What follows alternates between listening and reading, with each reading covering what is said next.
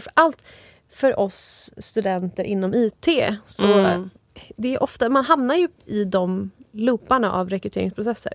Jag Men- tycker det låter helt vidrigt att ni ska göra business cases på er fritid på det sättet. Ja, Eh, nej men eller jag, jag har ju varit med i, i många rekryteringar men då har jag oftast blivit presenterad för ett business case under själva intervjun. Och då har det Ah. kanske varit en timme. Du lyssnar på Datatjej Podcast. Datatjej är en ideell organisation för icke-binära och kvinnor som gillar data och IT.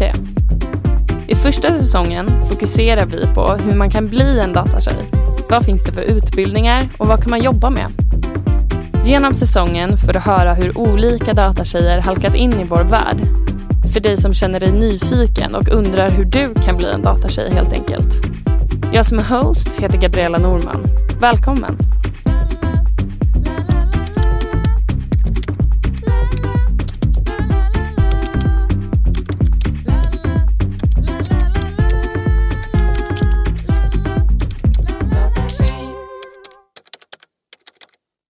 Hej! Idag är jag här med Charlotte Göransson. och Mikaela Bostrand. ja, och idag kommer vi ha ett litet ekonomitema mot slutet. Men eh, vi börjar från början. Så vad gick ni för linje i gymnasiet? naturvetenskapliga linjen eh, till att börja med men insåg i tvåan att är det där med fysik och kemi, är det verkligen min grej? Eh, och eh, skapade ett specialutformat program istället med lite filosofi och eh, psykologi eh, inbakat. Tog bort fysik B och kemi B. Okej. Ehm, ja. Så det blev eh, min examen. Specialutformat program i typ inriktning naturvetenskap. Men, Men det låter ju ganska trevligt ändå. ja. Ja. Jag, jag pluggade samhällsvetenskaplig linje med internationell inriktning. Aha. Och eh, det betyder typ att vi läste internationella relationer en, En en, kurs. kurs. Ja. Och eh, åkte till, eh, till Peking i Kina en vecka i tre Oh, år. Så det var, det var väldigt trevligt. Mm. Ehm, det var ju typ därför man valde den linjen. Det kände Mm. jag lite. Man bara, ja men Kina har jag aldrig varit i. ja, men vilken erfarenhet. Ja, ja, men det var, det var jätte, jättekul, jättehäftigt. Och jag har inte varit i Kina sedan dess heller så att uppenbarligen var det, det var once in a lifetime kanske. Men eh, ja, jag var inte en naturare, eh, definitivt inte. Jag, eh, men matte, alla de ämnena, jag kommer ihåg i naturvetenskap A på gymnasiet så skulle vi göra ett arbete där vi gick ut i skogen och skulle ha en naturruta. Jag vet inte om ni gjorde det här. Nej. Okej, vi hade en ruta, eh, så här, liksom, ja, en gång en meter eller någonting. Så skulle vi skriva om liksom, ekosystemet i den här rutan, vilka djur vi såg och sådana Ah, jo, Jag saker. det här. Ehm, och jag la så mycket mer tid på att rita djuren som jag såg. I Men att ta reda på vad det var. än, precis, än att skriva. Så att min Ja. lärare fick liksom ta mig åt sidan och bara Mikaela, du förstår väl vad den här uppgiften innebär? Det är Liksom, det är inte en bildlektion vi har här. Och jag var så här, ah, han bara, du måste liksom börja jobba lite på naturvetenskapen nu, annars kommer jag behöva sätta liksom, IG på dig. Och jag bara, oj, ja det, Det var, det var bra att du, tänkte mig. bra att Bra du sa wake-up det. call. Så ah, eh, nej, men det, var inte, riktigt- det var inte min grej kan man säga. Men vad var er relation till, till data IT när ni gick i gymnasiet? Då? Ja, alltså personligen så hade jag ingen relation. Nej. Jag kommer ihåg när mamma skaffade liksom en dator på 90-talet och jag fick knappt röra den. Eh, så det, så det, det fanns... Och när jag gick i högstadiet så var det ju fortfarande datasalar som man knappt Ja. fick gå in i. Samma här. Ehm, Det var det nog när jag gick på högstadiet också. Ja, ja, men Nej, det- vi, i åttan, då fick vi egna datorer. Ja. sant. Ja, men, eh, jag kom, I gymnasiet så blev det lite mer att vi fick eh, hålla på. Men nej, det var ingenting som jag trodde att jag skulle jobba med. Nej. Ehm, och eh, min mamma var civi, är civilingenjör. nu är hon pensionär, det är därför jag eh, gick in på VAR. M- Och hade väl höga förhoppningar om att det var det jag skulle Ah. göra. Så faktum är att hon blev väldigt besviken när jag lite revolterande då säger att jag ska bli ekonom. Som ändå är en så här Det är jättebra utbildning. Nej, Men men, ändå eh, på riktigt så utbrast hon, du kommer förstöra ditt liv. Nej, men- Medan man vet ganska många föräldrar som Ja. skulle typ tacka gudarna för att deras barn Ja. ens vill utbilda sig. Ja, nej, men eh, hon insåg sen eh, ganska kort därefter att det var kanske lite överdriven reaktion. Men, ja. Ja men tur det. Ja, nej, alltså, jag har nog lite samma upplevelse som dig. Alltså, vi, hade ju inte, vi fick inte heller egna datorer. Jag kommer ihåg att man hade så här, datorvagnar. Som man, så här, när man satt på lektioner där vi skulle skriva arbeten så kom man in med en datorvagn. Så fick man Men checka gud. ut en bärbar dator och skriva. Sen fick man lämna tillbaka den. Alltså, så himla random. Men jag kommer också ihåg att i ettan så hade vi faktiskt en kurs som var så här, datakunskap. Eh, vilket var typ Ja, man skulle typ svara på massa frågor om vad är ett ramminne typ. Eh, och sen hade vi, sen var en del av det också man skulle lära sig Word. Hur man formaterar saker i Word typ. Eh, men det, det kommer jag det fick jag MVG i och tyckte att jag var nog liksom en av de bättre i min klass i den kursen. För jag tyckte det var väldigt kul att sitta och pilla i Word. Och, eh, så. Men eh, det var liksom inte så mycket mer än så. Mina föräldrar är båda ekonomer då. Så de, där var det för mig så här, ja, jag bara, det är klart att jag ska bli ekonom. Det fanns ju inget annat i min värld riktigt heller. så att, eh, och just då eftersom jag också inte tyckte om naturvetenskap så tänkte jag nog inte heller i de banorna att så här, ja, men det här med IT eller så är Nej. en... Det, Men det är så himla tråkigt också att då att den kontakten man får med IT är så här, vad är ett ramminne? Ja. Alltså, ja, men det var jag vet så. knappt vad ett ramminne är, jag vet bara att jag vill ha mycket av det på jobbet. Det är, så Ja men exakt. det, är det Nej, men, det alltså, idag. det, Så att det, Nej, och precis. Man får ju ingen förståelse för i och för sig kan jag känna så med många av de kurser eller som man läser i gymnasiet också. Man får ingen förståelse vad, är det här, vad kan jag jobba med när jag jobbar med någonting rörande det här. nej. Alltså, jag fattar ju att så här, ja, jag blir ju inte en Word-konsult. Liksom. Jag kommer Nej. inte sitta och hjälpa folk att formatera texter i Word. Så, så här, vad är det? Sen vet jag inte om man har varit mottaglig för det i gymnasiet heller. Man kanske inte är där ändå. Men ehm, Jag ändå i, i högstadiet, då vet jag att det var en matematiker som kom och besökte vår klass. Jag ingen aning om varför, väldigt märkligt nu när jag tänker efter. Men och berättade vad han jobbade med och han var typ, nej kan ha varit statist. Nej, det, kan, det var han nog inte. Men någon form av matematikutbildning hade han gått. Och han jobbade med att optimera spelschemat för NHL. Eh, för det är ju så otroligt mycket lag och alla ska mötas ett antal gånger och de bor på olika platser. Så att det är långt att resa och de kan inte spela liksom samma dag på olika platser eller för nära varandra. Så att då vill man hitta ett, ett spelschema som går ihop och det är liksom matte. Och då fick jag lite så här, jaha, kan man göra sånt med Går att matteutbildning? använda på många olika sätt, Exakt, inte bara exakt. ekonomisk data. Sen tror jag att, det, att jag bara släppte den tanken efteråt. Men, det var ändå, jag fick ändå någon slags kontakt där. Mm. Nej, gud, jag gick ju ut gymnasiet 2003 så just nu så känns man, känner jag, även om jag bara är 36 så känns, känner man sig nästan som en eh, ja, stofil. Liksom. När jag hade mitt examensarbete i, i, i sista året, det var ju overhead. Det var ju alltså, nog att jag Ja. skrev ut eh, liksom, Ja, men allting. det var ingen powerpoint. Nej. Och det, coolt. så bara den biten Ja. kände jag mig efter ganska lång tid faktiskt. ja. Ja. Ja, nej men alltså på så sätt så känns det ju lyxigt för dem som går gymnasiet typ idag. Mm. Att man, man är så mycket mer inne i det. Och nu, nu alltså, visst, jag är också uppvuxen med liksom dial-in routrar som Åh nej, nu försvann internet för mamma ringde ett samtal. Liksom. det har jag upplevt så jag kommer ihåg det men det var inte en så stor del av min uppväxt. Det var ju ändå ganska tidigt som man fick liksom datorer hemma Mm. och Börja ladda ner musik. Och... Exakt. Men det tror jag med våran, eller ja, nu hade ju kanske inte du det, men våran generation, du är lite äldre än mig, men att ladda ner musik själv, man Ja. var tvungen att sitta och så vara lite hacksig bara för att kunna göra de normala tonårsgrejerna som var. Ja. Men mina syrror som är fem år yngre än mig, de är födda- födda 00, de hade ju liksom, allt var ju appar och Ja. färdigt när de gick i gymnasiet och högstadiet. Ja, alltså, Så den kontakten hade ju aldrig de. Så Nej. jag tänkte så här, men vi är väl typ lika bra med datorer. Men Mm. av det där, sitta och haxa och vara tvungen att fixa grejer. Ja, det men, gav mig eh, jättemycket. alltså vi hade ju, oh, gud, hette det Napster eller vad Ja, ja. det var väl en sån För, alltså, för det, sen att göra sin egen hemsida och så, Angel, Angelfire. Alltså, Jag fick en ganska grund-basic hackerupplevelse, liksom, eller bara så här, lätt programmering. För att om man skulle ha en liten presentation på, ja, vad hette de där? MySpace och Playahead hade väl Ja, kanske men då- vi. då Jag vet var- inte om du Nej, hade det. det var bara i Stockholm. ja, okej, det var bara Stockholm. Ja. Okej, Då fick man ju liksom så här kopiera andras kod för att Ja, få exakt. snygg... Och alla HTML giffar och, ja, ja. ja, Så man fattade ju liksom det grundläggande. Eh, vilket hjälpte mig lite grann lite senare, men det kommer Ja. vi in på. Ja. kommer vi in på lite längre fram Ja.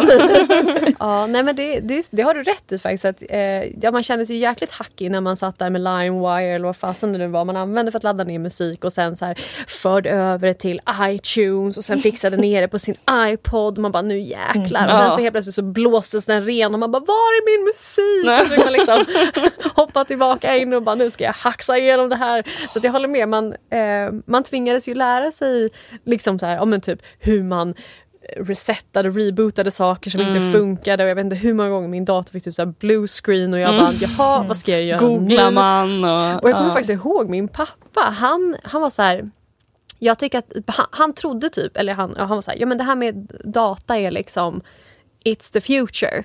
Eh, så nu ska vi bygga en dator tillsammans. Jäklar! Det kommer jag ihåg nu. Det hade jag ju helt förträngt. Men det gjorde vi. Så vi jag kommer ihåg min första egna stationära dator byggde jag och min pappa själva. Och han... ja, jag vet inte hur mycket jag bidrog. Han var typ såhär, skruva fast det här kort, ramkortet Ja, här. Liksom. Och jag var såhär, okej. Och det var mycket så här, man fick inte hålla i två saker som kunde vara ström- strömförande. Samtidigt kunde man ju bränna allting. Typ. Så man var ju livrädd för att göra fel. Ehm, och så hade han liksom, han, han, vill, han tyckte att det var väldigt viktigt att, att det var coolt. Liksom. Eh, och han tyckte nog att det var viktigt att, att eh, jag som tjej skulle framstå som cool för mina killkompisar Ah, också. Att så här, kolla, det här, du ska kunna skryta till dina polare att du har gjort det här. Typ. Och jag var så här, sure, jättebra. liksom. Så han, han hade köpt liksom, sidomodulen, liksom, eller väggen på, på det här... eh, Chassit. Ja men precis, chassit var liksom, det var genomskinligt. Vad Och så var det så här blå lampor och värsta fläktarna som satt. Och jag var så här, Jag har en bekant som har det nu. Som är men- jättestolt. Han visade mig bara för någon månad sedan. Kolla, kolla på den, vad Ja, snygg alltså. den är. Man bara wow liksom. Nej men och det var ju alltså, så här i efterhand, nu, alltså, jag, jag har inte tänkt på det här på typ ja, men 15 år. Men det var ju en kul grej faktiskt. Ja. Och man lärde sig ju säkert någonting. Jag tror absolut inte att jag skulle kunna bygga en dator idag. Eh, Nej. men om man får kolla Youtube typ så. Men, Ja. men eh, även om din pappa gjorde det för att du skulle ha något, liksom en fördel gentemot killgänget. Alltså det gav ju dig ändå en inblick på hur det är uppbyggt i en, Mm. liksom, i en ja, vad det nu heter, hårddisk. ja. Alltså, bara det är ju hur grymt som helst. Det är ju så man önskar själv som förälder. Att man liksom involverar ens barn och bara skapar en, ja faktiskt. en, en koll på men så här funkar det. Sen så kan du göra vad du vill med den informationen. Men Ja, så här ser det ut. Eller hur? Nu har vi gjort det i alla fall. Ja. Ja, Ja. nej faktiskt. Ja, det, var, det var en rolig upplevelse. Ja, det är kanske cool. det man ska göra med sina barn framöver.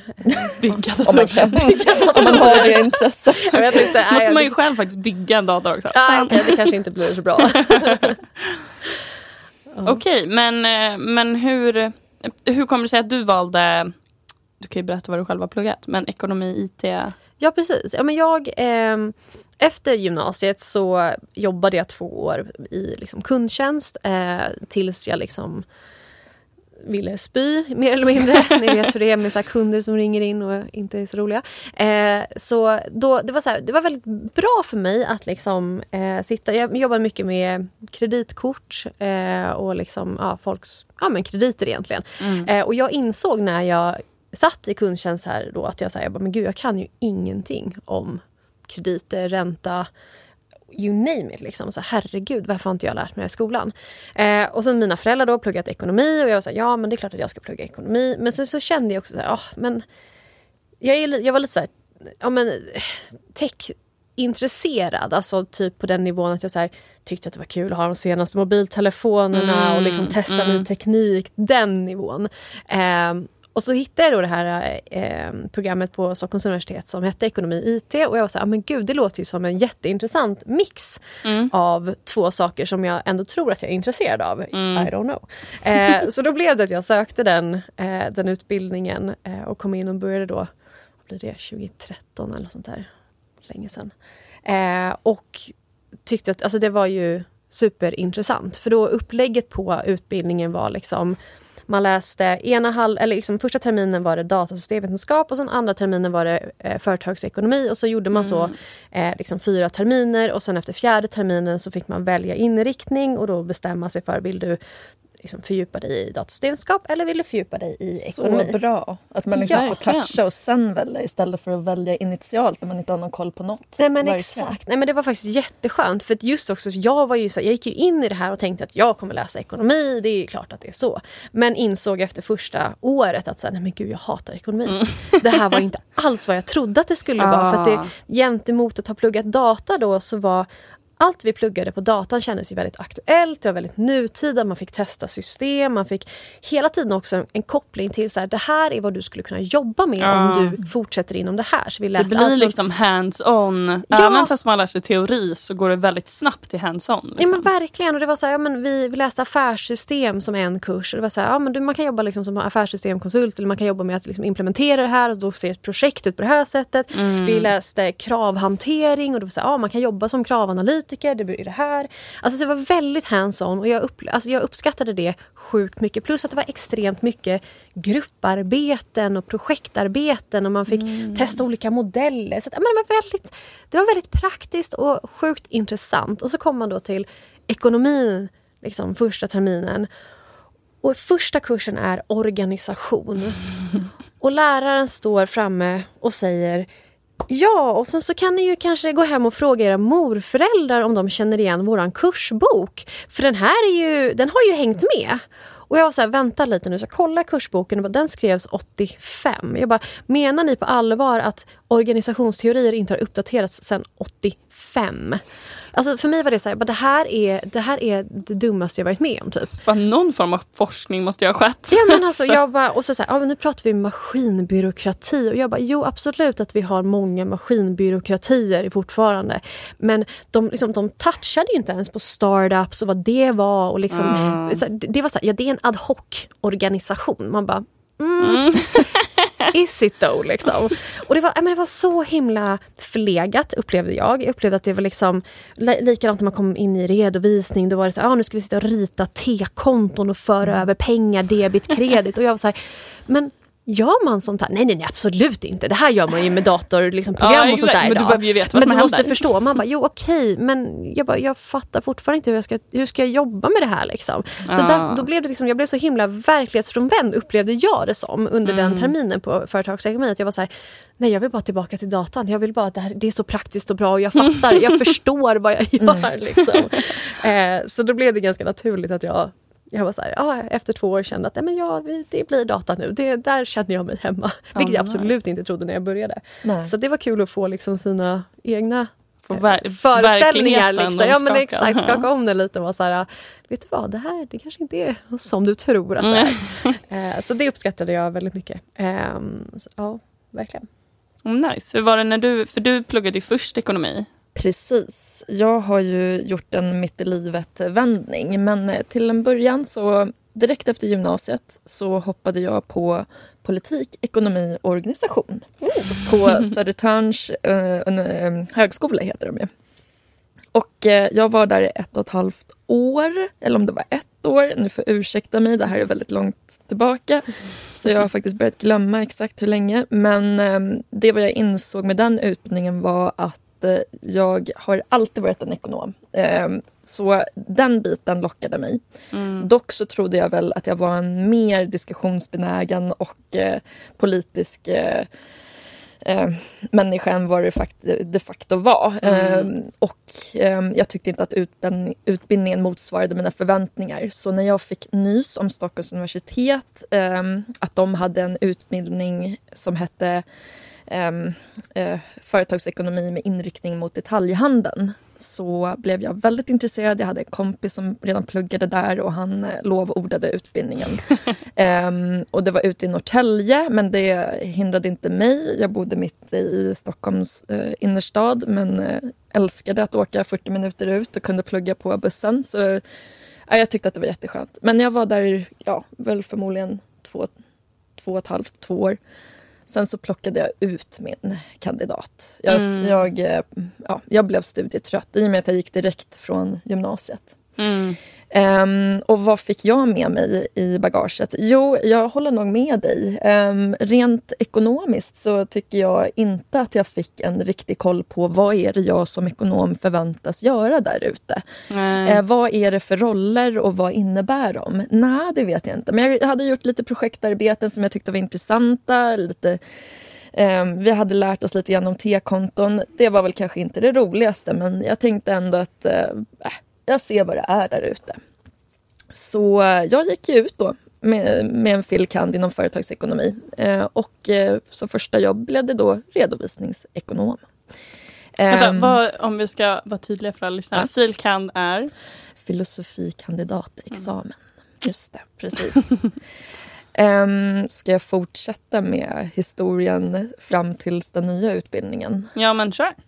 Ja, um, nej men uh, som sagt, jag hade ju inte så stor koll på det här med vad gör en ekonom. Så mm. ja, men mitt första jobb blev som redovisningsekonom. Jag satt där och eh, stämde av mina konton, balanskonton. Mm.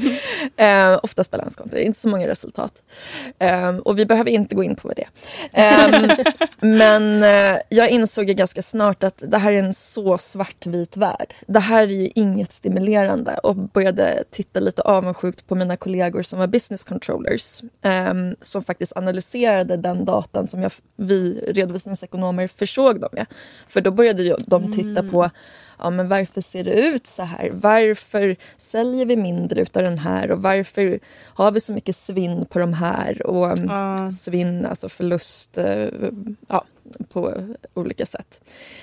Um, och eh, insåg att ja, men jag kanske inte ska vara kvar på samma företag heller hur länge som helst. Eh, jag hade en 60-årig kvinna som jag jobbade med som i stort sett eh, skällde ut mig. Att, du får inte vara här som jag har varit. Jag har jobbat 30 år som redovisningsekonom på samma ställe. Du ska hoppa runt.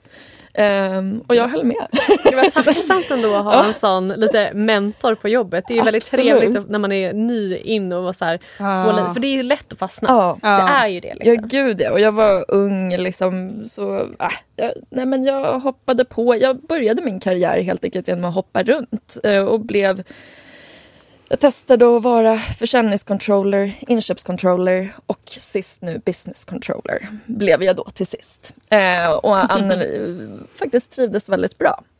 Men det som då fick mig att gå in mer på den digitala banan var väl den här än att jag började, eller jag började snegla än en gång. Bara, vad, vad är det som händer i världen? Jo, ja. vi går mot digital handel. Och här sitter jag med min ekonomikunskap men jag kan inte omsätta det i de nya kundmönstren. Vad är Nej. det som händer på webben? Hur spåras interaktionerna mellan besökarna där och vad som faktiskt händer på vår liksom, sista rad? Mm. Um, man kan omsätta allt till ekonomisk data eh, mm. uh, egentligen. Mm. Um, men här hade jag noll koll.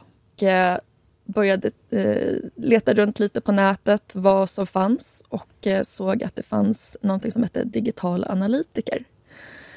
Um, och det är det jag går nu. Mm. Eh, jag har gått i lite över ett år och har bara några månader kvar. Um, utbildningen är sammanlagt ett och ett halvt år med två praktikperioder. Och anledningen till att jag tyckte att den här utbildningen var så intressant var just att den var kort, innehåller praktik. Mm. Um, för oj vad jag har varit avis på folk som har kommit in på de arbetsplatser jag har jobbat på och liksom har det som en del av deras praktik att förstå ja, vad det är man faktiskt ska verkligen. arbeta med. Få testa på. Exakt. Ja. Var pluggar du någonstans? Medieinstitutet. Medieinstitutet. Okay. Um, så kort och gott, väldigt konkret så eh, går man igenom vilka mätverktyg man kan använda, hur eh, man kan använda olika visualiserings och analysmetoder då för att kunna samla in data och ja, kolla helt enkelt hur, hur våra besökare använder våra produkter inom webb och mobilappar och um, hur en konvertering sker. Spännande. Coolt. Kul. Och, ja, men vilken kul resa ändå du har gjort, tänker jag. Som också så här, att du sitter då i form av business controller och börjar reflektera över liksom, digitala köpvanor och alla de bitarna. Och så här, men, men vad händer där? Och att du faktiskt tar steget är ju svinhäftigt. Att bara så här, ja men jag hoppar på den här utbildningen. Liksom. För hur, hur, gammal var du när du började plugga på nytt? Liksom? Ja, um, så 35. Um, Ja, eh, och eh, anledningen måste jag ändå säga Alltså, corona hjälpte mig med ja. det. Ja. Eh, för jag, jag jobbade ju som business controller, business analyst och eh, blev... Eh, eh, gud, heter det permitterad? Jag jobbade ja. bara 40 procent. Mm. Och hade jättemycket tid för självreflektion och um, insåg att om jag nu skulle vilja plugga så skulle jag kanske kunna göra det vid sidan av jobbet också. Även om liksom, mm, yeah. allting ändrar sig. Så jag hade en diskussion med min chef och, och hon gav mig tummen upp. Kör på. Mm. Uh, men sen så blev det så att de var ändå tvungna att um, släppa mig, så, mm. så, så, så, fint heter. I och med att uh, ja, corona har ju mm, tyvärr gjort så med ja. många arbetsplatser. Um, och då hade jag utbildningen och var störtnöjd. Och sen ja. så har jag en man som självklart har varit extremt stöttande i det här mm. också. Så jo, det var läskigt men mm. jag tycker att corona hjälpte mig på alla sätt och vis faktiskt mm. i det här. Eh, och det kändes rätt. Men gud vad skönt. vilken, vad, vad, vilken skön grej att ta sig ur pandemin tänker jag också. Mm. Alltså den har ju varit väldigt bara negativ och jobbig för många tänker jag. Vilken skön grej att känna att så här, ja, men, för mig bidrog den faktiskt med bra saker också. Sen är det klart att ja. det är inte lätt att bli av med jobbet och som du säger, liksom, det är skönt att och, ja, men ha en partner som man kan falla tillbaka på lite grann, som kan stötta och sådär. Mm. Men eh, vad, gud vad kul, vilken, vilken resa ändå. Ja men tack, det har verkligen känts jätteroligt på alla sätt och vis. Och jag har ju två barn också så det Ja, det, det, det blir, ja, men då, ja. då kan jag förstå ännu mer lite ja. här att, så här, att det är lätt att också återigen inte rycka upp nej. allt och testa något nytt. Exakt. Liksom. Um, men ja, nej, corona bidrog verkligen positivt till det hela. Och sen så måste jag också säga rent digitaliseringsmässigt att min utbildning blev ju 100% distans. Ah. Och eh, då som mamma. att inte behöva åka iväg och så utan ja, jag kunde det. faktiskt hämta mina barn i skolan. Mm. Eh, och liksom ha någonting som kallas ett relativt normalt mm. liv ändå. Mm. Eh, nej, det är guld. Ja men mm. fantastiskt. Och då är du alltså klar i december, januari någon gång? December. December, mm. wow spännande. Ja tack. ja nej för jag, eh, jag pluggade ju som sagt ekonomi IT och valde ju data där mot slutet. Men eh, kände ju också liksom, det var ju väldigt tacksamt med min utbildning eftersom både data eh, liksom, examen och eh, ekonomiexamen är ju filosofiekandidatexamen då. Eh, och det går att tillgodoräkna alla poäng åt, åt alla håll. håll. Ah, eh, så då satt, fantastiskt. Ja men eller hur, då kände jag så här, men gud det här kan jag ju inte bara passa på. Liksom. Jag, jag kan läsa, vad blir det, 30 HP till kanske? Ja, en termin. En termin, ja, ja, precis. Så jag läste typ två valbara kurser till och skrev ett eh, kandidat, liksom, kandidatexamensarbete i ekonomi också då. Eh, mm. Så jag la på ett halvår och fick dubbla kandidatexamens vilket ju kändes så här, gud vilken lyx, är det typ ens lagligt att ja. göra så här? Liksom, det känns som att jag så. fuskar liksom.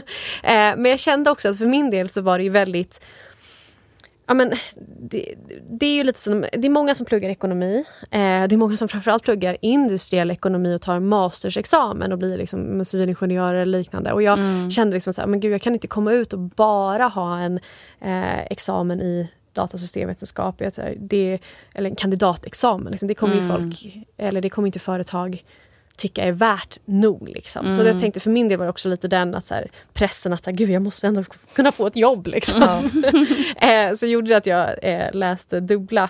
Och eh, det var, så här, det var ju det var ganska tacksamt. Alltså, sista halvåret där, det, det, var ju väldigt mycket lättare att skriva en liksom, kandidatexamensarbete när man redan gjort det en gång. Och speciellt mm typ bara ja. halvåret innan. För det är så mm. mycket typ, bara så metoddelen i ett ja. examensarbete är ju så här, sitter man första gången och bara jag fattar inte vad det här är, liksom, vad är det jag ska skriva. Men andra gången in så hade man ju lärt sig lite lingot, liksom, hur, ska jag, hur ska jag skriva den här grejen för att mina lärare ska bli nöjda. Typ. Ja. Eh, så det var ju väldigt tacksamt. Eh, men sen då eh, så, ja, men, så var jag klar då i eh, jag blev också klar i december, mm. januari tekniskt sett.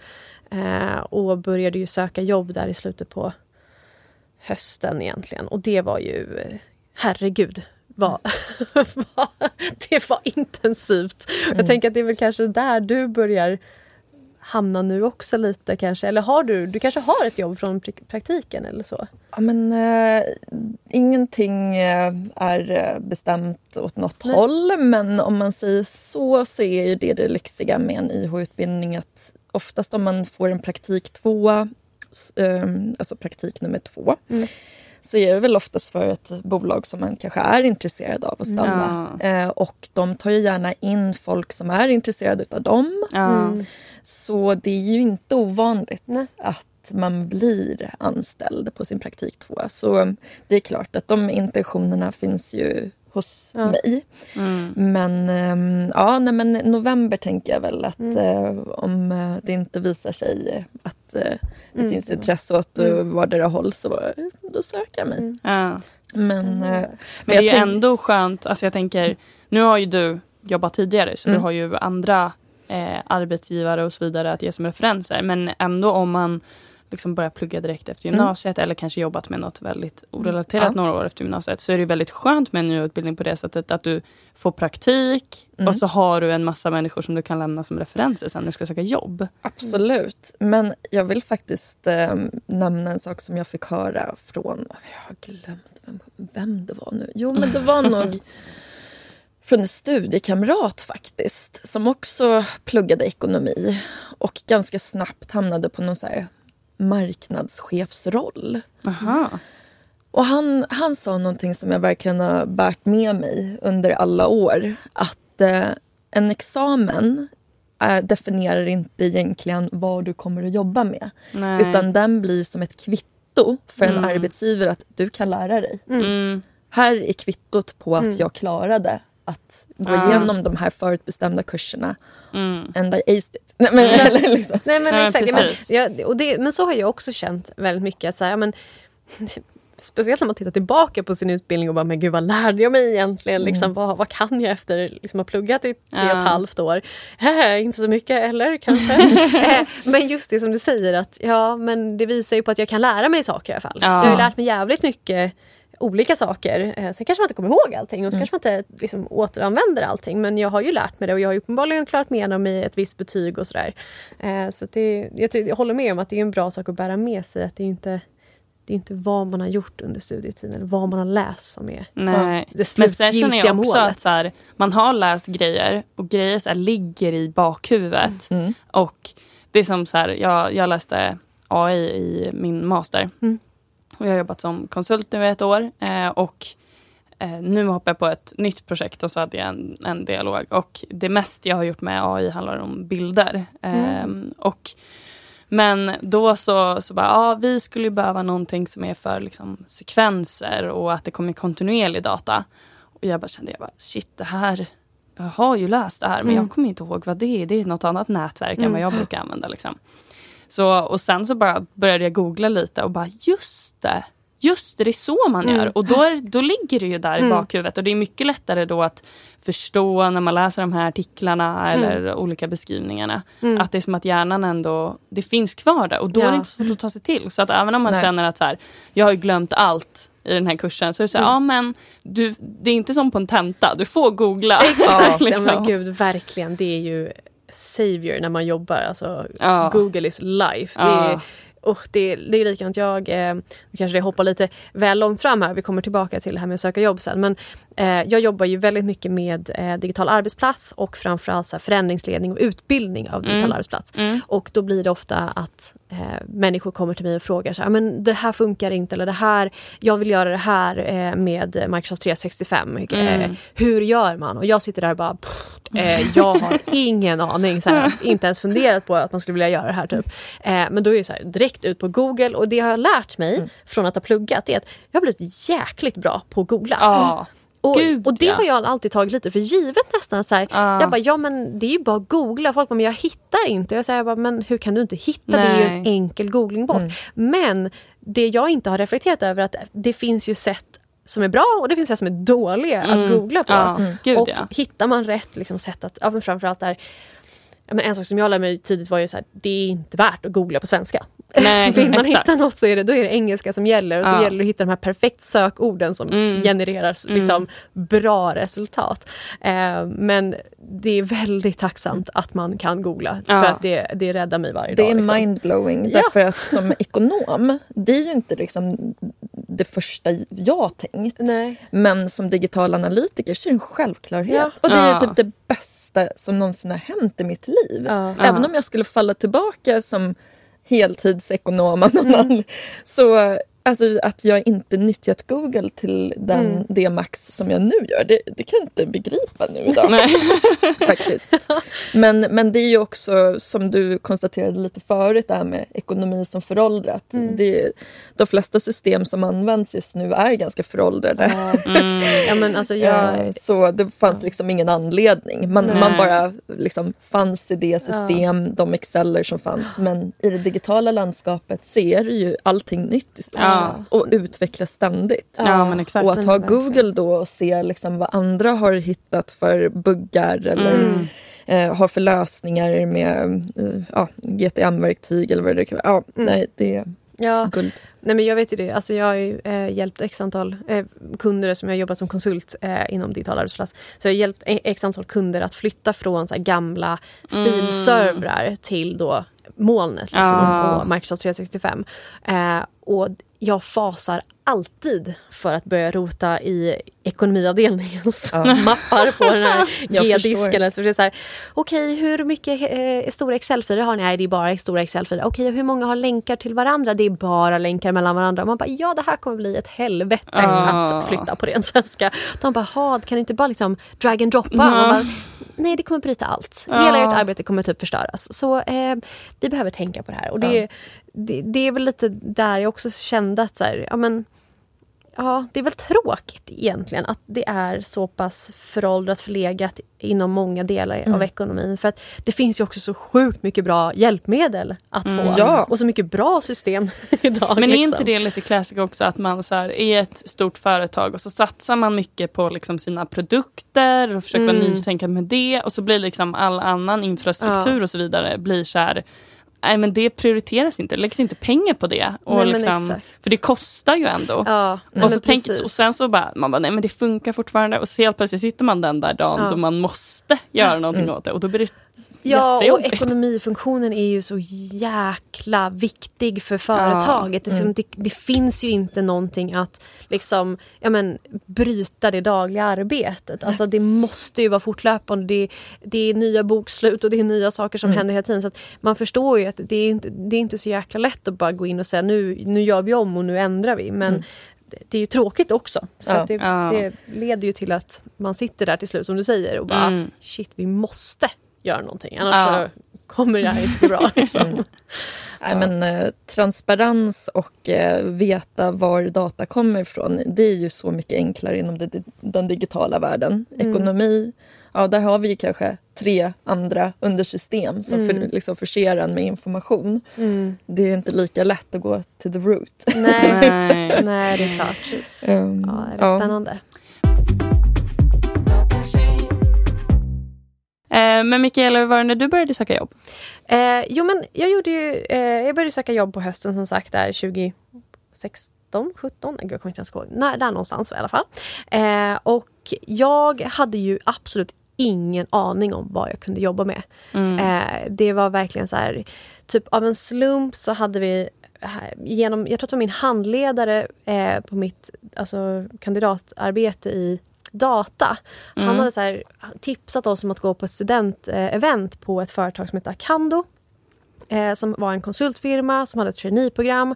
Och jag var så här, ja men spännande. Så jag gick dit med någon, eh, med någon av mina pluggkompisar och det var liksom så casekväll. Man gjorde business case och fick höra om företag. Så klassiska studentevent liksom. Mm. Och eh, fick då upp ögonen för att ja, men gud, man kan ju jobba som konsult. Jag har inte ens reflekterat över att det är ett jobb mm. man kan mm. göra. Så här. Jag, har jag, jag, vet inte vad jag trodde. Jag hade nog inga tydliga tankar generellt. Men det, om... som, det känns som att tidigare så bilden av att vara konsult har varit liksom lite negativ. Medan de senaste om en mm. kanske 8, 9, 10 åren så har det verkligen förändrats. Ja. Så min pappa bara, när han fick veta att jag jobbar som konsult, han bara, men vadå, då är ditt mål att få fast på någon av dina uppdrag. Bara, nej.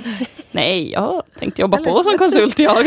ja, nej men absolut. Och jag, men, alltså för mig, helt ärligt så jag, alltså jag hade inte ens en bild av vad det var. Alltså jag, generellt sett så hade jag inte en nej. aning om vad, är, vad innebär det att jobba. Typ. Jag visste liksom ingenting. Vilket blev ganska jobbigt när man skulle börja söka jobb och bara, mm. men gud vad är det jag letar efter? Mm. Eh, men då förstod jag att ja, men konsultbranschen är ju faktiskt en ganska intressant bransch på så sätt och då behöver du inte veta vad du vill jobba med för att du får testa på det mesta. Liksom. Jag bara, men det låter ju väldigt bra. Och sen det här då med traineeprogram. Jag bara, men gud vad skönt för då kommer man in i en setting där folk fattar att man kommer ganska nyexad. Eh, jag behöver inte känna liksom att jag måste typ komma in och leverera på max och vara liksom superduktig Nej. på en gång utan det finns utrymme att lära sig och folk vet att jag är där för att lära mig. Jag bara, det känns ju också ganska bra som första steg. Så det, det blev liksom så att jag, jag sökte framförallt traineeprogram för att det kändes eh, skönt på ja. något sätt. Um, och sen blev det ganska spridda skurar. Jag sökte liksom allt från då konsult traineeprogram till ja, men, Microsoft eh, och till ett eh, CRM, alltså ja, Customer Relationship System eller Management System företag eh, som så här, typ vad kallades det? Typ, ja men det var business analyst eller så var det någon så här, man skulle typ sitta och hacka i systemet. Jag kommer inte riktigt ihåg vad det var. Eh, men det var, verkligen, det var verkligen spridda skurar. Och, ja. eh, kom ihåg att varenda jäkla rekryteringsprocess var ju också helt galen. Det var liksom ah. fem steg för Oj. varje uppdrag, eller för varje liksom, eh, företag jag sökte. Så att jag var ju på liksom, intervjuer typ varannan, var tredje dag mm. i så fyra veckor. Det var helt Fy, galet. Man blir helt utpumpad. Ja, men alltså det, ja. var så, och det var så att hålla, liksom, hålla i huvudet, så här, vart är jag i den här processen? Okej vänta nu, nästa steg, jag har gjort gruppcase här så nu ska jag göra individuellt case. Fast här har jag inte kommit så långt än så där har jag bara en intervju. Och sen i det fallet så har man intervjun efter case. Och, alltså, alltså, ja. och det här med, med case-lösning, alltså jag vet ju att vissa eh, liksom, ja, men program och sådär på universitetet jobbar ju väldigt mycket med case-lösning. Men jag hade liksom aldrig kommit i kontakt med det. Så för mig mm. var det väldigt nytt. Så det var väldigt så här, ah men gud vad är det här? Hur ska man tänka? typ. Mm. Så det blev också lite stressande liksom. Ja, det, var sjukt stressigt och man, jag visste inte vad jag höll på med hälften av gångerna jag var på olika intervjuer. Mm. Eh, men så slutade det med att eh, jag fick ett, eh, ett erbjudande från ett företag som jag kände så här, jag kände inte att jag mappade mot det företaget som vad jag ville och vad de ville och sådär. Mm. Eh, men sen också som det är när man söker jobb, man vågar inte tacka nej. Mm. Så det blev liksom, jag bara, ah, men jag måste tacka ja för tänk om, tänk om ingenting annat faller ut. Så jag tackade ja till det men liksom verkligen, det var också väldigt intressant för att de först erbjöd mig eh, jobbet, sen så berättade de lönen vilket då jag hade mappat mot en kompis som jobbade i det teamet eh, men började ett halvår innan. Och lönen var 6 000 mindre i månaden än vad han får. Och jag var så här, jag bara, det här låter ju inte så bra. Och sen dessutom då, utöver det att känna att okay, jag blivit erbjuden mindre lön, är det för att jag är tjej eller vad mm. händer? För det var nog en kille då, som jag hade uh. jämfört med. Eh, så var det också så här, men innan vi signar med dig så vill vi att du gör ett personlighetstest och intelligenstest. Och jag bara, Jaha okej, okay, det är någon premiss för att jag ska bli signad då? Eller så. så det var mycket som bara, så här, jag hade inte en så bra magkänsla från start egentligen. Nej. Eh, men så, eh, så jag försökte ju så här, hålla ut på det här så länge som möjligt för att eh, då eventuellt kunna få något annat.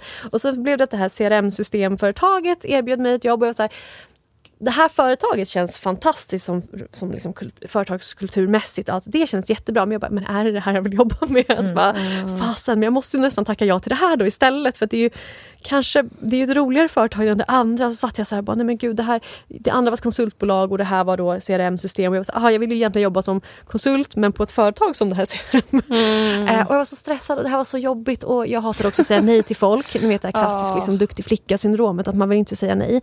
Eh, men så till slut då så ringer eh, då det här tredje konsultbolaget eh, och eh, erbjuder en plats på deras traineeprogram och jag bara Åh halleluja moment. Jag bara, det här. Eller hur? Jag bara, det var liksom mixen av båda. Bra företagskultur men också traineeprogram på ett liksom konsult. Jag bara tack, tack, tack. Mm. Eh, och jag kände ju också sen att liksom, när jag ringde de här andra bolagen och tackade nej då efter att ha tackat ja så var det så himla ja. tacksamt att det här bolaget som jag fått en bra bild av. Mm. De var så här, vi förstår dig, eh, jättesynd för oss, vi hade verkligen velat ha dig här men ångrar du dig eller liksom, söker du dig vidare i framtiden, hör ja. av dig. Liksom. Mm. Det andra bolaget som jag inte fått så bra känsla för, de sa bara så här jaha, vilka, vilka ska du gå till istället? Och så berättade jag det. De bara, nej men då har vi inte så mycket mer att säga till varandra. Och men så la de på. Och jag var så här, bra att jag... Magkänslan. Ja, magkänslan, ja. magkänslan mm. kändes rätt där. Ja. Eh, så det var liksom, ja men det var fyra veckor av typ konstant panik över att så här, var ska jag hamna och sen till slut så blev det ju väldigt bra och jag trivdes fantastiskt på min första arbetsplats och med det traineeprogrammet. Det var verkligen superkul men det var det var, det var en jobbig period där att söka mm. jobb. det, det är Ser du fram emot det? det är nog också min tanke just med att mm. leta jobb. Därför att det, man lägger ner så mycket energi. Mm. Och även fast man inte... Det är klart att man försöker att hålla förhoppningarna nere men vid en viss punkt när man mm. har kommit tillräckligt långt i en process mm. så börjar man få förhoppningar. Ja, och när man Gud. inte får det, mm. eller, ja, då, då blir man ju besviken ja. också. Jag, sa, jag har sagt det redan i ett annat poddavsnitt men det är lite som att dejta. Att man, mm. så här, man börjar dejta en person och så är man så här, men nu har jag bestämt mig för mm. dig. Men man vet också att den personen dejtar någon annan samtidigt. Exakt. man bara, men vad händer? Ja. Det, ja. Väldigt bra liknelse. Mm.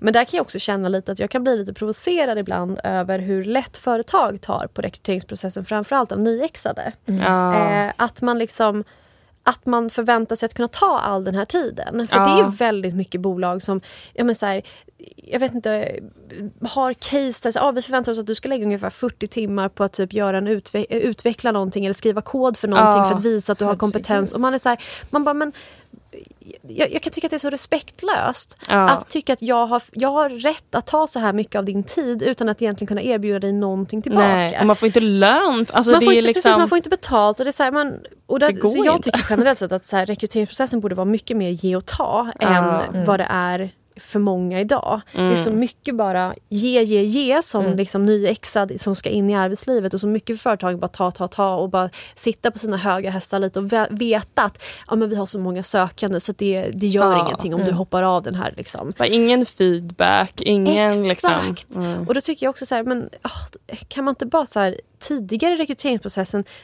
vara hård och kanske sålla ut fler, skicka ordentliga tack men nej tack mail. För det mm. är också kast när man inte ens får höra någonting ja. när man har sökt någonting. Men också så här, ta inte in så fruktansvärt många i rekryteringsprocessen att ni inte ens hinner ge dem feedback och återkoppla till folk nej. varför man väljer bort dem. För att det har man spenderat, som i något fall var jag på gruppcase liksom så här på en, oh, men det var typ en åtta timmars dag. Mm. Och sen knappt få någon feedback när man inte går vidare. Då är man så här, men vad gjorde jag för fel? Ja. Nu har jag investerat åtta timmar och så får jag inte ens höra att liksom, man får ett liksom, lite halvvagt, ja du, vi gillade dig men det var andra som var bättre. Typ. Du, ja. Det du kan tänka på är att eh, visa mer vad du, visa framfötterna mer. Man bara, men hur gör jag vad det? Kliché. Ja men alltså verkligen.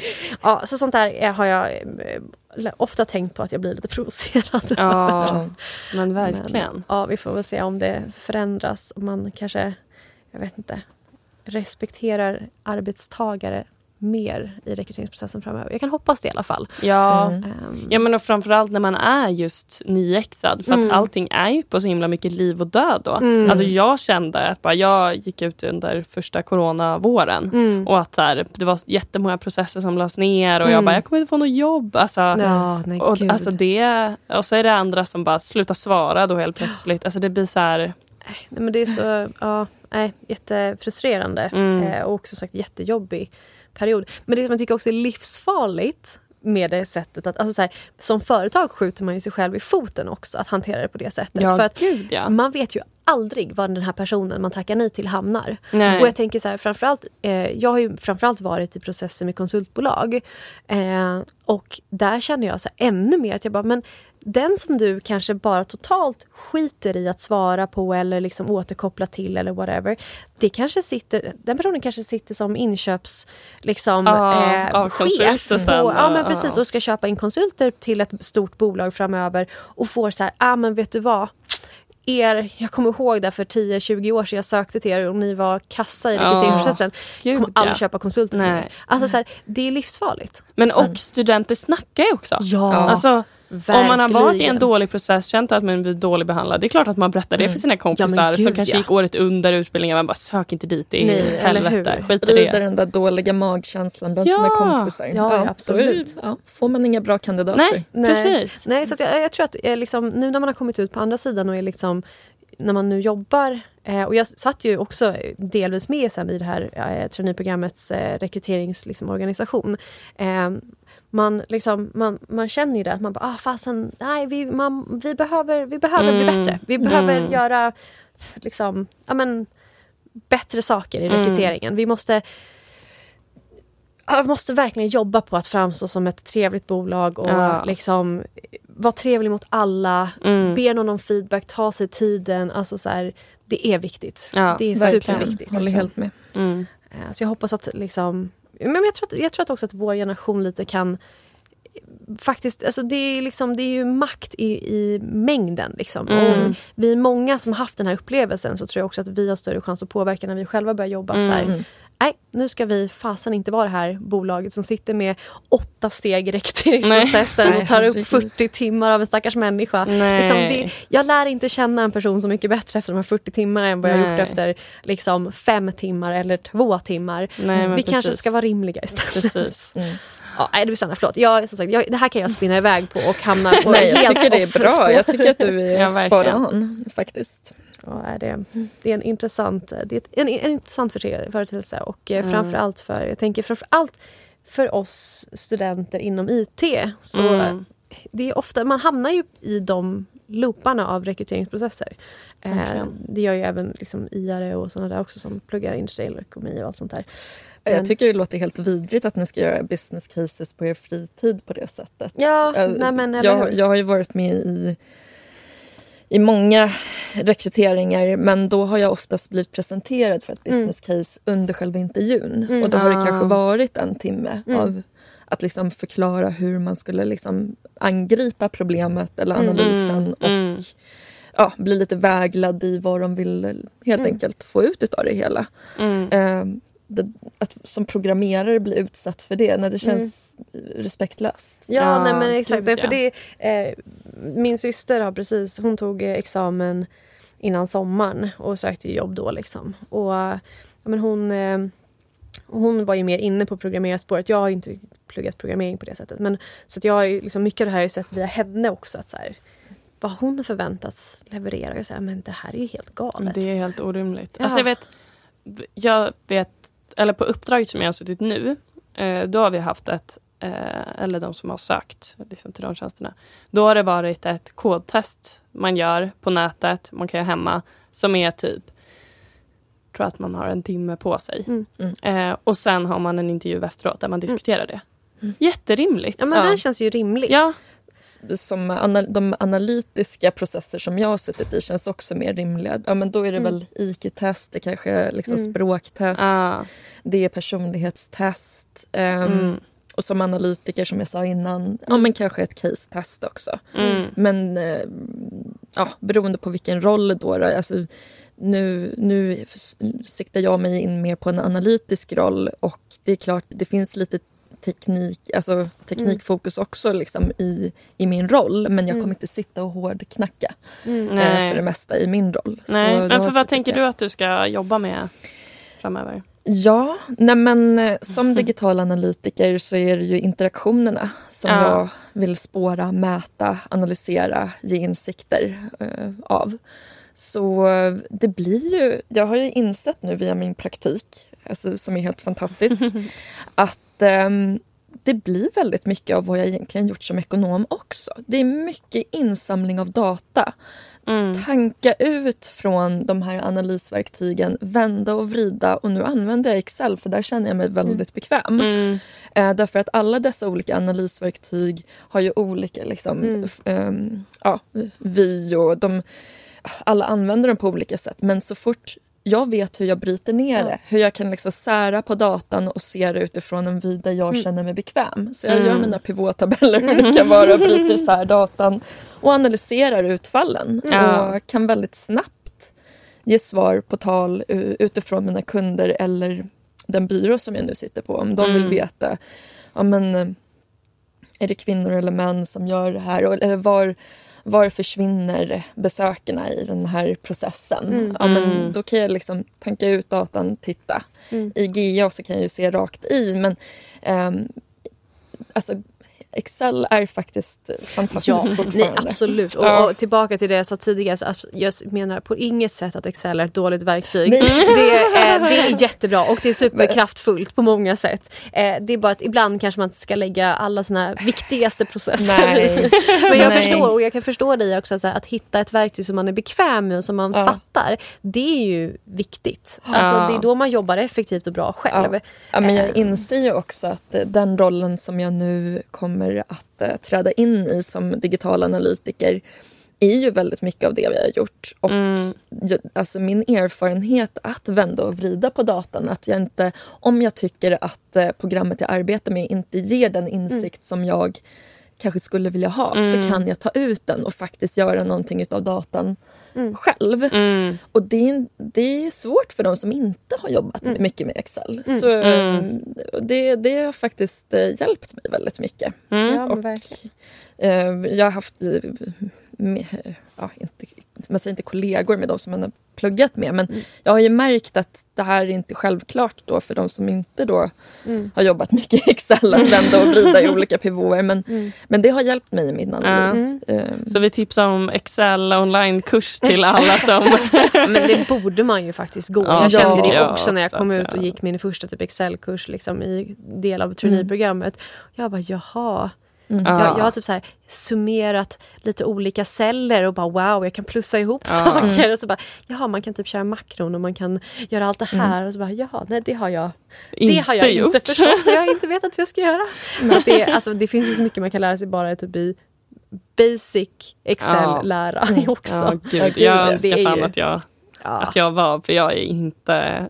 Nej, alltså det, är, det är jag inte heller. Ingen Excel-människa, men Alltså jag använder Allt efter behov. Och sen ja, så är det också, på, som digital analytiker så kan man ju också ha sin styrka i olika saker. Mm. Man kan ju vara den som faktiskt är lite mer tekniskt orienterad och implementerar spårning mm. och verkligen ja, men, mer eh, programmering mm. liksom, mm. och verkligen se till så att datainsamlingen är 100 procent och ha stenkoll på den biten. Och sen så mm. kan man också vara den som är mer eh, analytiskt, än, ännu mer analytiskt lagd då, ja. då och eh, gillar själva ut, eh, ja, vänden, eh, att liksom visualisera datan och rapportera den mm. och mm. komma med insikter och konverteringsoptimering. Mm. Um, och det tycker jag också är styrkan av en sån um, titel. Att, eh, och, men också en fallgrop för att det kanske är någon som anställer en digital analytiker och själv kanske inte vet vad man vill ha utav en. Men mm. alla har ju olika styrkor och mm. ja,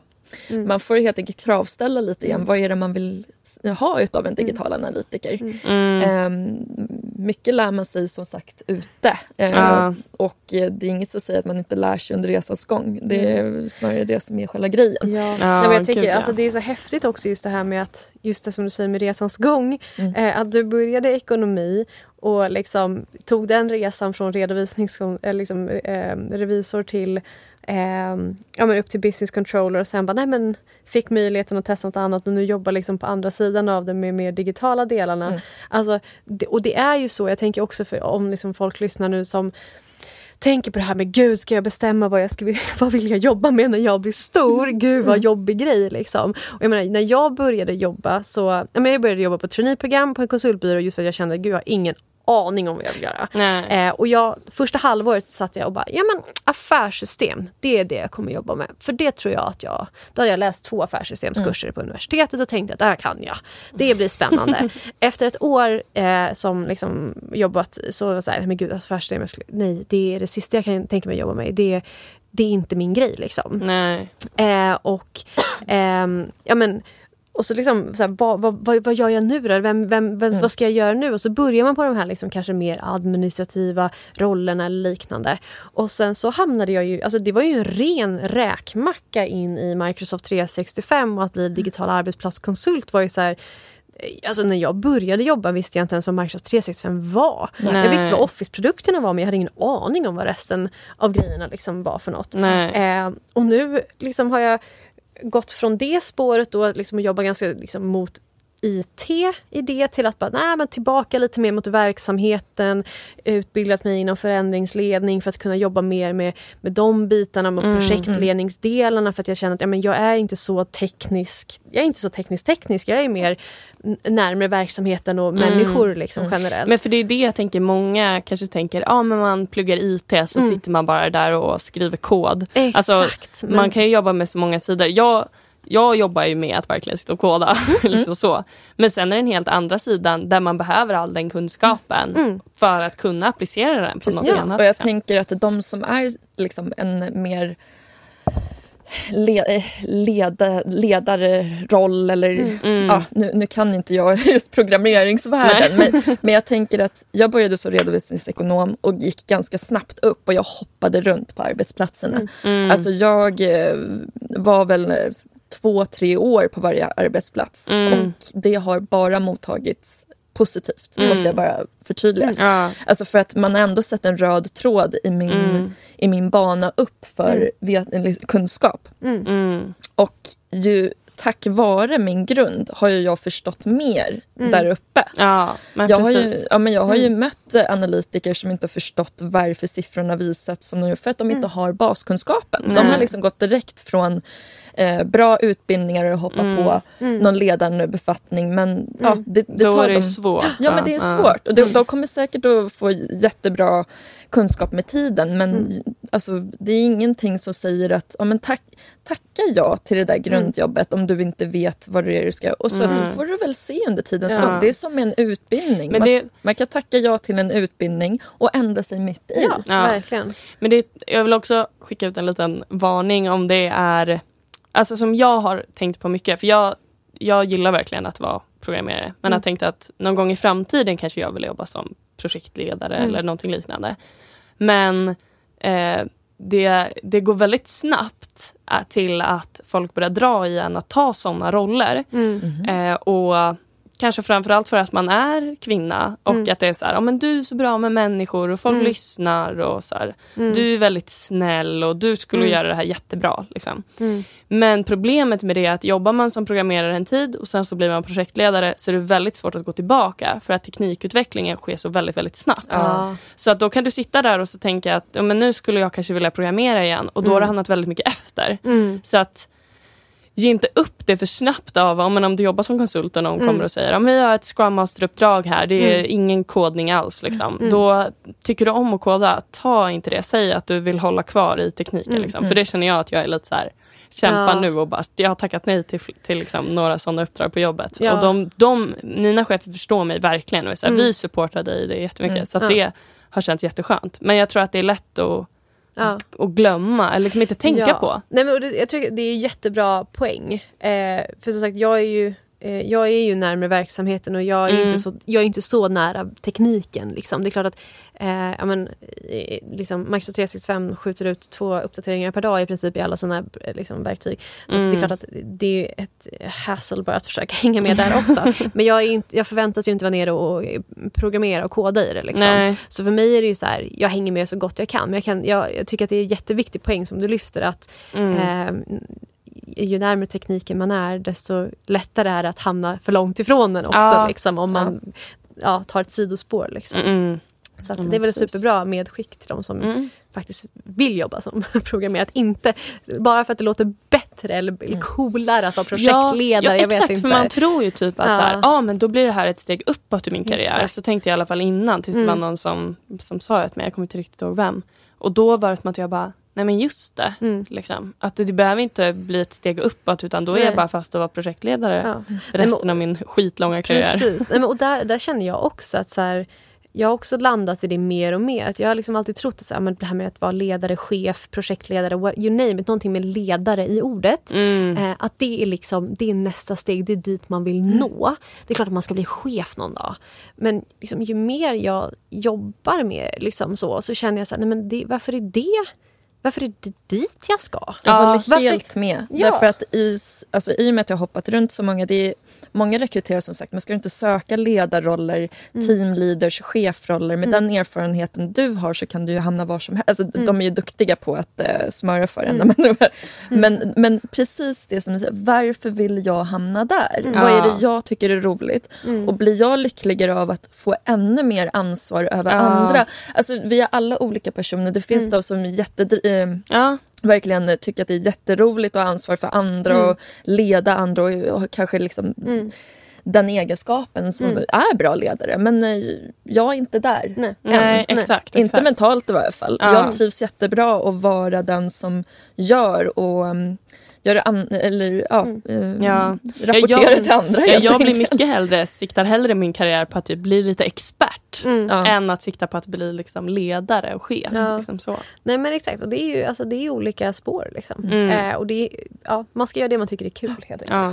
Och en oro som jag hade, du, nu säger jag att du Mm. vill bli expert. Mm. Men jag som har hoppat runt så mycket hade en liten kris eh, för ett tag sedan. Att herregud, jag kan mycket om... Nej, eller jag kan, jag kan lite om mycket men jag, kan Ah, inte, jag är inte specialiserad i något. nej. Så jag fick en liten kris där. Liksom så här, men vad är det jag säljer in mig med egentligen? Men, men då, bli, då, då insåg jag ju, och det var faktiskt en, en bekant som sa till mig, men herregud, det är väl det alla vill ha, att man kan Ja. lite om mycket och kan hoppa in var som, Ja. helst, var som helst. Så beroende på vad du har gjort, din erfarenhet är Mm. värd. Du Mm. måste bara se det från det syn, synvinkeln. Exakt, alltså, exakt. Antingen så är du specialist eller så kan du Var Ja, jättebred. ja, och vara bara- bred och hoppa in lite var som Ja, men helst och fördjupa Nej, men, dig. precis, Ja. och jag tror att alltså, ja, jag, ja, men, liksom, så är det ju i de flesta roller. Så att, liksom, du kan bli generalist eller så kan du bli specialist. Och, det är helt okej att välja vilket som och du kan hoppa mellan dem också. Det är lite jobbigare kanske liksom, att gå från generalist till specialist och sen, eller från gå från specialist till generalist för att det krävs ju att du lär om. Liksom. Mm. Men det går ju. Det finns ingenting som säger att bara för att du har kunnat lite och mycket väldigt länge att du inte kan specialisera dig. Och samma Nej, sak med expert versus liksom chefsspåret. Mm. Det finns ju ingenting som säger att du inte kan hoppa däremellan. Det krävs ju bara lite mer arbete. Liksom. Ja. Att, Och gud, man ska jobba Exakt. superlänge. Ja, så att du hinner vara specialist Exakt, och men det- generalist. Och jag tror att det är lite vår generation också, det här med att så här, allting ska hända nu. Mm. Jag ska vara högst upp i min karriär liksom när jag jobbat i fyra år. Nej, Ja. men vad är det för jäkla inställning? Ja, Hur- typ, Jag ska ju jobba i typ 40 år. Ja. Inte fasen kan jag vara högst upp efter fyra. Nej, Det är liksom 10 procent av min, av min karriär. Ja. Vem tror jag att jag är? Liksom? Så att, alltså, ja, jag tror att vi, generellt vi, vi behöver chilla lite och trust the process. Att man hamnar rätt. Och det är aldrig för sent att ändra sig. Men du är ju Gud, ett det. levande exempel på att det är aldrig för sent att Nej, ändra Nej, sig. och det tyckte jag faktiskt var en wake-up call också. För att på de här YH-utbildningarna, det är ju verkligen hela spektrat. Det är Mm. allt från de som kommer direkt från gymnasiet, lagarbete, lag, eh, lagerarbetaren som har Mm. tröttnat på att stå där och stappla varor, till marknadschefen som Mm. Faktiskt vill fördjupa sig i det som hon ber Mm. andra att göra. Mm. Eller eh, journalist 56 år vill liksom bli Mm. helt, eh, få en helt ny roll. Ja. Ehm, nej, det är aldrig för sent. Nej, och jag beundrar verkligen. människor oavsett ålder som vågar kasta sig in i något som de Mm. är nyfikna på. verkligen. Mm, För att, eh, och jag vill verkligen poängtera att en utbildning är inget fast. Liksom som du, du, du måste verkligen inte jobba med det som du pluggar men däremot så är det en bra inkörsport för att förstå vad som finns. Ja, verkligen. verkligen. Så tack för idag. Tack, Tack. så mycket. Eh, så vill jag tacka Tom Gorren för introt, Sonica Studio för att vi får spela in här och så tycker jag att alla ska bli medlemmar på datatjej.se. Följ oss på Instagram, Facebook och LinkedIn där vi heter Datatjej. Och har ni några frågor, förslag eller tankar om podden så kan ni mejla mig på medlem.datatjej.se.